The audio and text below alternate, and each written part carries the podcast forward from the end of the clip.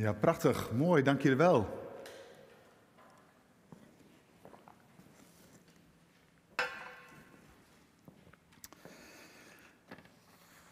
Ja, herken je dat? Ehm, ik herken het wel van mij van vroeger en eh, ook al in, in ons gezin, bij onze kinderen. Dat, dat je gaat op reis, je gaat een iets langere trip maken, misschien met, met de auto. En je zit nog maar net in de auto en vanaf de achterbank klinkt al, duurt het nog lang? Duurt het nog lang? Herkenbaar? Ja, hier zie ik in ieder geval een beetje wel dat het herkenbaar is. Nou, ook zeker bij ons. En we leren al op jonge leeftijd dat geduld een schone zaak is. En over dat spreekwoord las ik het volgende. Geduld houdt in dat je in staat bent om ergens op te wachten. Als je geduldig bent, ben je in staat om een lastige of negatieve situatie je kalmte te bewaren en voor reden vatbaar te blijven. De uitspraak dat geduld een schone zaak is, laat zien dat geduldig zijn als een positief iets wordt gezien. Geduld kennen we denk ik ook al als een onderdeel van de vrucht van de geest. Galaten 5, vers 22 spreekt daarover, over die negenvoudige vrucht van de geest. En in andere vertalingen wordt daar ook wel het woord langmoedigheid gebruikt. Een mooi woord vind ik dat, waar misschien nog wel wat meer lading in zit dan slechts geduld. En als je kijkt naar het, het Griekse woord wat daar gebruikt wordt, dan is dat het woord macrotumia. En dat is dan weer afgeleid van macrotumio, hoef je allemaal niet te onthouden, maar wel de betekenis daarvan. Want geduld betekent daar zoiets als volharden. Volharden, geduld oefenen. En, en dat zijn eigenschappen van geduldig zijn. En dan heb je als het ware een, innerlijke rust waarbij er, terwijl je geconfronteerd wordt met, met tegenstand of ongeluk, dat er toch geen sprake is van, van klacht of irritatie. Nou, dat woord macrotumia, dat, dat wordt niet heel veel gebruikt in het Nieuwe Testament. Maar we zien dat bijvoorbeeld in Romeinen 9, vers 22 gebruikt worden en ook in Jacobus 5, vers 10. En, en dat geeft een beetje wat meer weer van hoe we dat woord geduld dan mogen zien. In Romeinen 9, vers 22 lezen we uh, dat, dat geduld wat daarmee bedoeld wordt, dat, dat God de zonden van de mensen verdraagt. Nou, dat, dat geeft direct een hele andere lading aan het woord geduld. Of in, in Jacobus 5, vers 10, waar we kunnen lezen dat de gelovigen volharden onder lijden en tegenstand. Nou, de vraag die wij ons vandaag ook kunnen stellen is, eh, ben ik geduldig? Ben ik geduldig? En ben ik dat dan ook onder alle omstandigheden? Dus daarom ook het thema, hoe zit het met mijn geduld? En ik heb daar als het ware een soort van ondertitel bij gezet, op weg naar die hemelse hoop. Want we kunnen wel geduldig zijn, we kunnen ook wel geduld uitoefenen, maar als we niet weten waarvoor, ja, dan wordt het een lange en zware weg. We willen vanmorgen ook Gods woord openen en ik wil twee gedeelten lezen. Uh, eerste is een paar versen uit Lucas 24, vers 50, 51 en 52.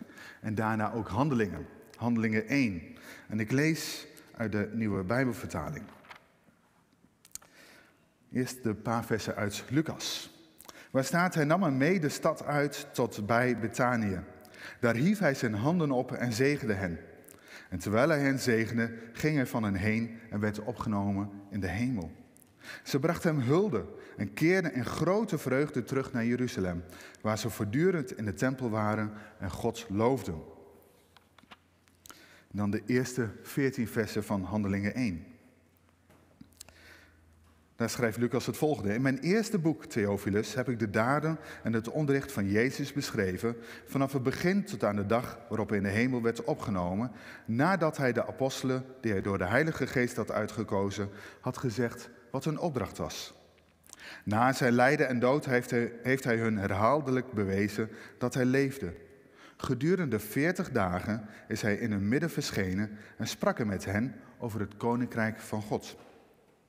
Toen hij eens bij hen was, droeg hij hen op: Ga niet weg uit Jeruzalem, maar blijf daar wachten tot de belofte van de Vader, waarover jullie van mij hebben gehoord, in vervulling zal gaan. Johannes doopte met water, maar binnenkort worden jullie gedoopt met de Heilige Geest. Zij die bijeengekomen waren vroegen hem, Heer, gaat u dan binnen afzienbare tijd het koningschap over Israël herstellen? Hij antwoordde, het is niet jullie zaak om te weten wat de Vader in zijn macht heeft vastgesteld over de tijd en het ogenblik waarop deze gebeurtenissen zullen plaatsvinden. Maar wanneer de Heilige Geest over jullie komt, zullen jullie kracht ontvangen en van mijn getuigen in Jeruzalem en heel Judea en Samaria tot aan de uiteinden van de aarde. En toen hij dat gezegd had, werd hij voor hun ogen omhoog geheven en opgenomen in een wolk, zodat ze hem niet meer zagen. Terwijl hij zo van hen wegging en zij nog steeds naar de hemel staarden, stonden er opeens twee mannen in witte gewaarden bij hen. Ze zeiden, Galileërs, wat staan jullie naar de hemel te kijken? Jezus, die uit jullie midden in de hemel is opgenomen, zal op dezelfde wijze terugkomen als jullie hem naar de hemel hebben zien gaan. Daarop keerden de apostelen van de Olijfberg terug naar Jeruzalem. Deze stad, of deze berg ligt vlak bij de stad op een sabbatsreis afstand. En toen ze in de stad waren aangekomen, gingen ze naar een bovenvertrek waar ze verblijf hielden. Petrus en Johannes, Jacobus en Andreas, Filippus en Thomas, Bartholomeus en Matthäus, Jacobus de zoon van Alfeus en Simon de ijveraar en Judas, de zoon van Jacobus. Vurig en eensgezind wijden ze zich aan het gebed, samen met de vrouwen en met Maria, de moeder van Jezus, en met zijn broers. Tot zover. Ja, we lezen hier eigenlijk twee, twee verslagen van, van hemelvaart. Lucas die doet het eh, in zijn evangelie heel beknopt. Hè? In, in drie versen worden wat over gezegd. En in handelingen doet hij het als het ware een beetje over, maar dan, dan uitgebreider. En ik wil bij, bij beide gedeelten even wat stilstaan. Eens even kijken van wat, wat zien we daar eigenlijk voor bijzondere, uh, bijzondere zaken vermeld staan. Bijvoorbeeld die, die drie versen uit Lucas, je, kunt er heel snel overheen lezen, maar er staan wezenlijke dingen beschreven. Bijvoorbeeld, wat, wat, wat ons kan opvallen is hoe uh, de discipelen de zegen van Jezus ontvangen. En de aanbidding van de discipelen aan Jezus. De grote blijdschap die daar vermeld staat. En hoe zij dan voortdurend in de tempel ook samenkomen. Eigenlijk belangrijke feiten waar je zo heel gemakkelijk overheen kunt lezen. Bij alle die vier punten wil ik heel even stilstaan. In Leviticus, Leviticus 9, vers 22, lezen we dat Aaron na het werk wat hij heeft verricht in de tempel, als hij daarmee klaar is, voor het volk gaat staan, zijn handen opheft en het volk zegent. Hij doet dat als hij klaar is met zijn werk. En dat zien we eigenlijk ook bij Jezus hier gebeuren. Jezus is als het ware, mag je misschien wel zo zeggen, klaar met zijn werk op aarde. Hij was klaar. En aan het eind wil hij hen, de discipelen, zijn volgelingen, wil hij nog de zegen meegeven. En hij staat daar, hij heft zijn handen op en hij zegent hen. Hij had zijn discipelen bijgebracht, hij had hen verteld wat hun taak zou zijn op aarde. En dat besluit hij dan door hen te zegenen. Nou, zegenen kunnen we op verschillende manieren naar kijken. We kunnen dat benaderen vanuit een, een Griekse context. En als we dat doen, dan betekent zegenen zoiets als, als goed zeggen. Iets goed zeggen over iemand, iemand prijzen, complimenteren. dat, dat is een beetje vanuit het Griekse denken, zegenen. Maar wanneer we daar vanuit de joods-christelijke context naar kijken, dan zit er een veel diepere betekenis in, in dat zegenen. Want dan, dan wordt het verbonden met God. Het houdt dan in dat, eh, dat men die persoon welvaart of voorspoedigheid toewenst. Dat is heel wat anders dan een welvaartsevangelie, daar, daar gaat het niet over. Maar je, je, je wenst iemand welvaart of voorspoedigheid toe in de verwachting dat God dat ook zal verwezenlijken. Het is niet een claimen, maar je, je, je gunt die ander het beste van God. Nou, en als reactie daarop zien we dat de discipelen Jezus gaan aanbidden. Dat is de eerste keer dat Lucas dat beschrijft in zijn evangelie. Tevens ook de laatste keer. Maar Lucas heeft er maar één keer in zijn evangelie erover dat Jezus door de discipelen aanbeden wordt. En dan kun je denken, die discipelen, die, zij zien Jezus daar naar de hemel toe gaan en ze zijn in een mineurstemming.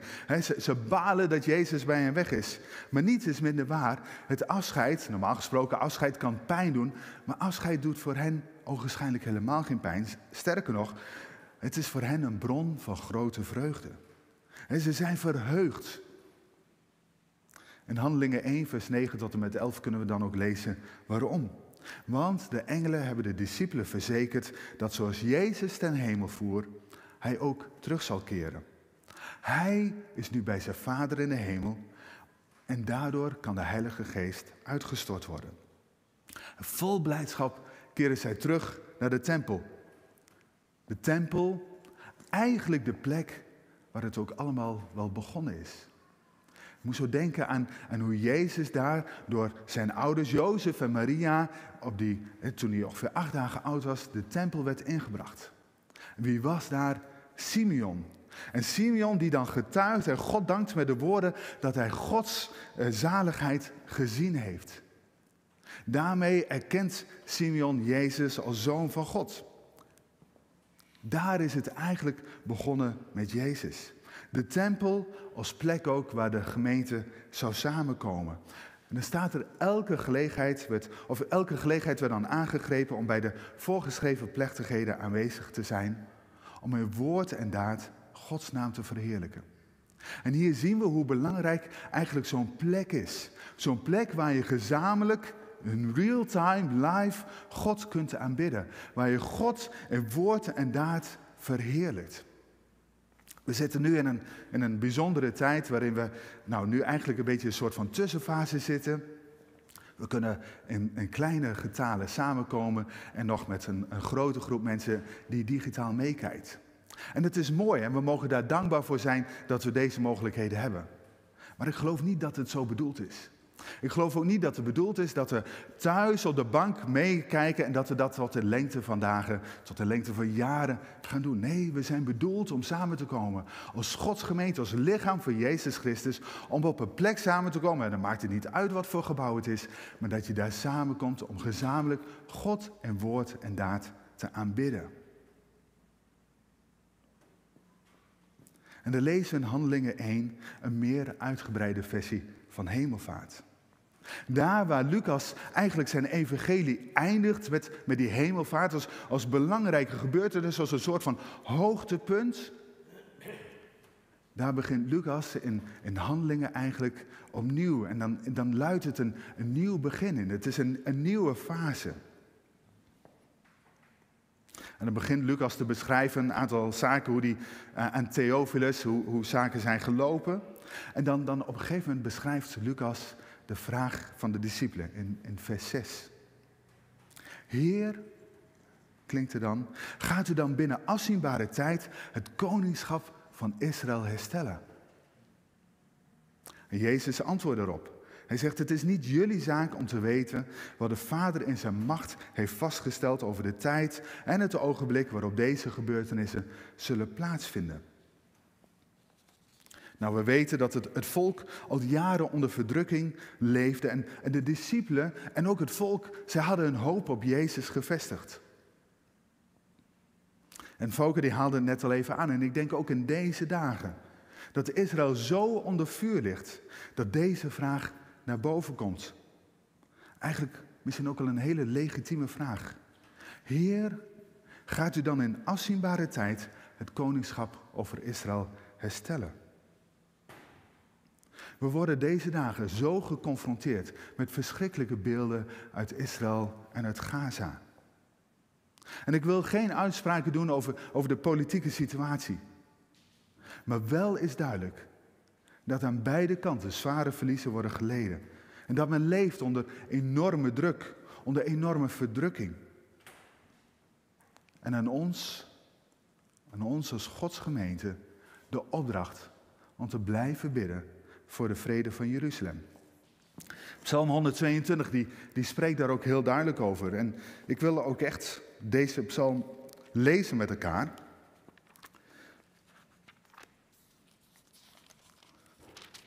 Om ook gewoon weer met elkaar duidelijk te hebben wat, wat onze opdracht is. Ook omtrent dit, ja, ik wil het geen conflict meer noemen. Ik, ik denk dat je bijna mag spreken van een oorlog. Psalm 122, er staat boven een pelgrimslied van David. Verheugd was ik toen ik hoorde, we gaan naar het huis van de Heer. Verheugd ben ik nu onze voeten staan binnen je poorten, Jeruzalem. Jeruzalem, als een stad gebouwd, hecht en dicht op één. Daar komen de stammen samen, de stammen van de Heer. Om Israëls plicht te vervullen, te prijzen de naam van de Heer. Daar zetelt het gerecht. Daar troont het huis van David. Vraag om vrede voor Jeruzalem. Dat rust hebben wie van je houden. Dat vrede heerst binnen je muren en rust in je vesting. Om mijn verwanten en vrienden zeg ik, vrede zij in jou. Om het huis van de Heer, onze God, wens ik je al het goede.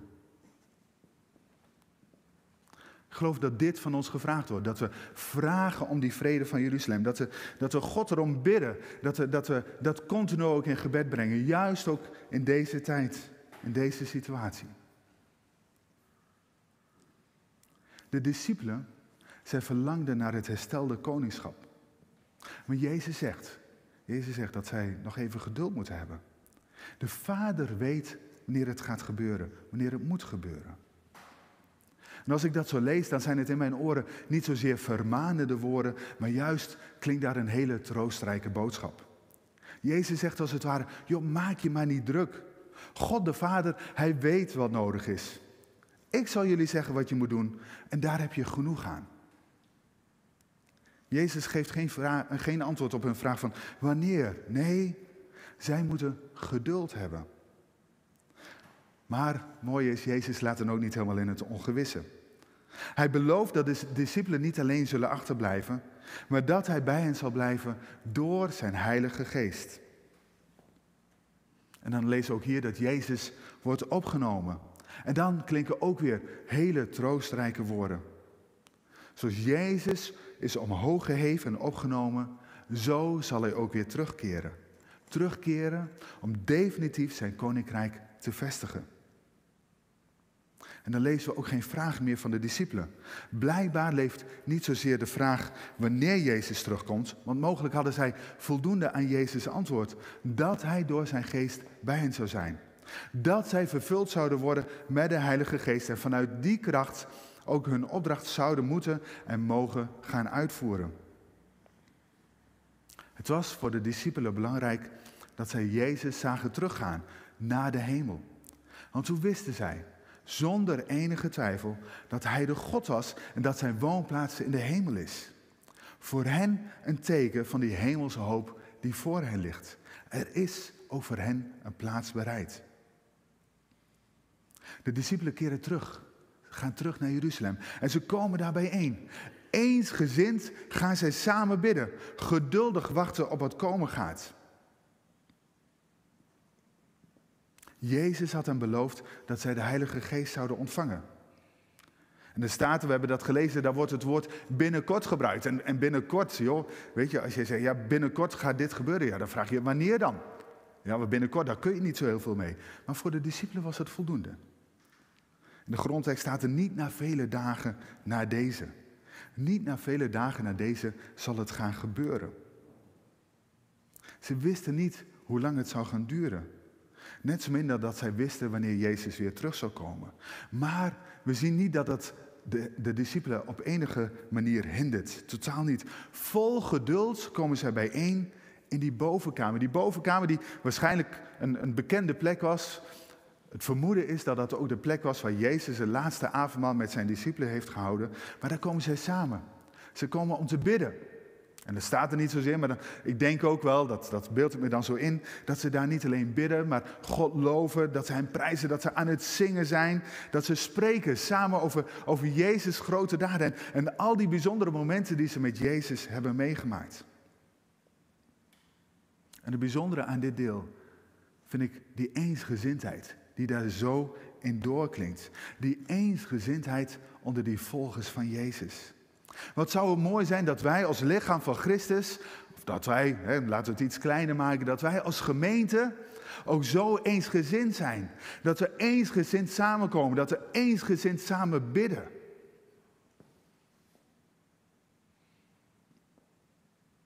De discipelen, ze delen allemaal in diezelfde opdracht. Het evangelie bekendmaken over de hele wereld. Maar hiermee kunnen en mogen zij pas starten wanneer de Heilige Geest over hen is uitgestort.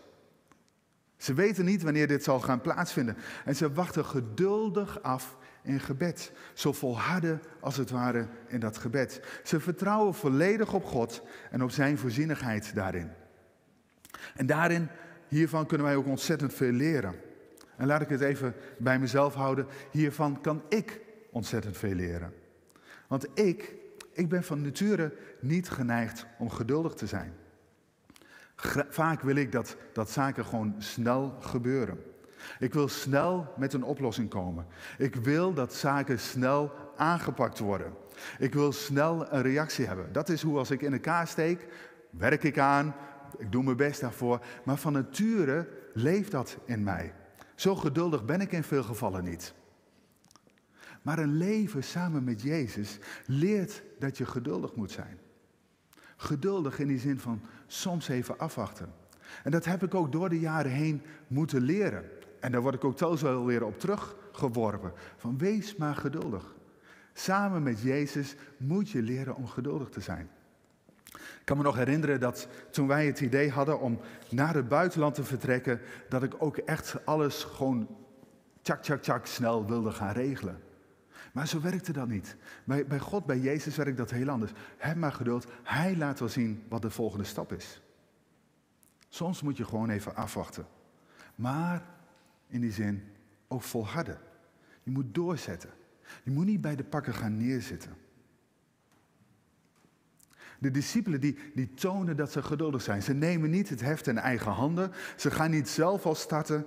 Ze worden ook niet ongeduldig. Maar ze weten dat Jezus zijn belofte nakomt.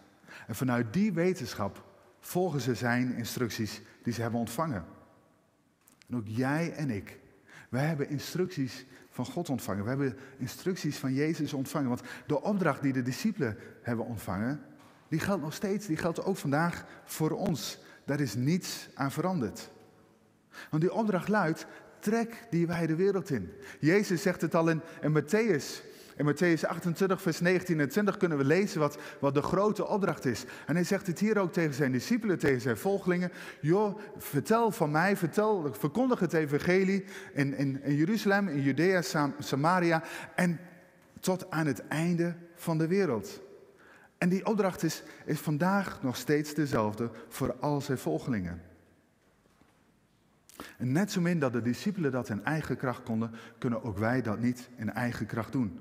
We kunnen dat alleen maar doen in de kracht van de Geest, de Heilige Geest. Wat we volgende week zondag gaan vieren met elkaar, dat de Heilige Geest is uitgestort. De Geest die in ons aanwezig is wanneer wij Jezus aannemen als onze Heer, als onze Verlosser. Voor de discipelen was Jezus hemelvaart niet alleen een afsluiting van een periode, maar het was ook een nieuw begin. Een nieuw begin met een hemelse hoop. De hoop op Jezus geest en op Jezus terugkeer. Wanneer we kijken naar de huidige wereldontwikkelingen en met name rondom Israël, dan, dan is de urgentie van de hemelse hoop zo duidelijk zichtbaar. Alleen door Jezus kan er een blijvende, blijvende verandering ontstaan in deze ontwikkeling. Alleen door de Heilige Geest kunnen mensen tot de inkeer komen, kunnen mensen tot bekering komen. Wij, wij zouden het liefst vandaag nog verandering zien ontstaan hierin.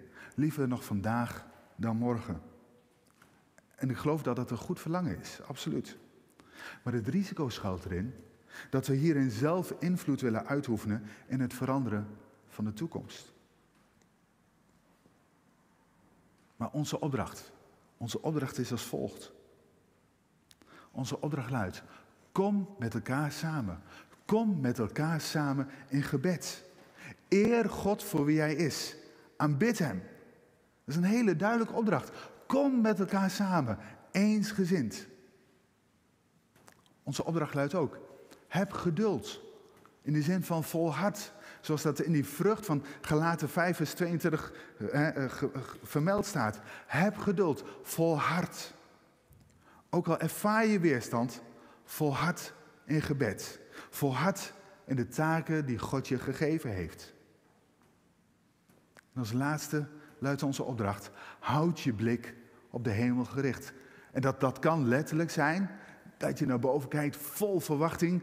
Dat je Jezus terugkomst verwacht. Elke dag opnieuw. Leef ook vanuit die verwachting dat Jezus elk moment kan terugkomen. Maar leef ook vooral in figuurlijke zin daarin. Weet namelijk dat jouw toekomst bestemd is in de hemel. En handel en wandel daarna. Ben jij, ben jij een volgeling van Jezus? Leid dan een geduldig, leid een volhardend leven. Gericht op die hemelse hoop die voor je ligt. Die fantastische toekomst. Samen met Jezus. Verwacht het van Hem. Verwacht Hem. Amen. Gaan luisteren naar een lied met elkaar.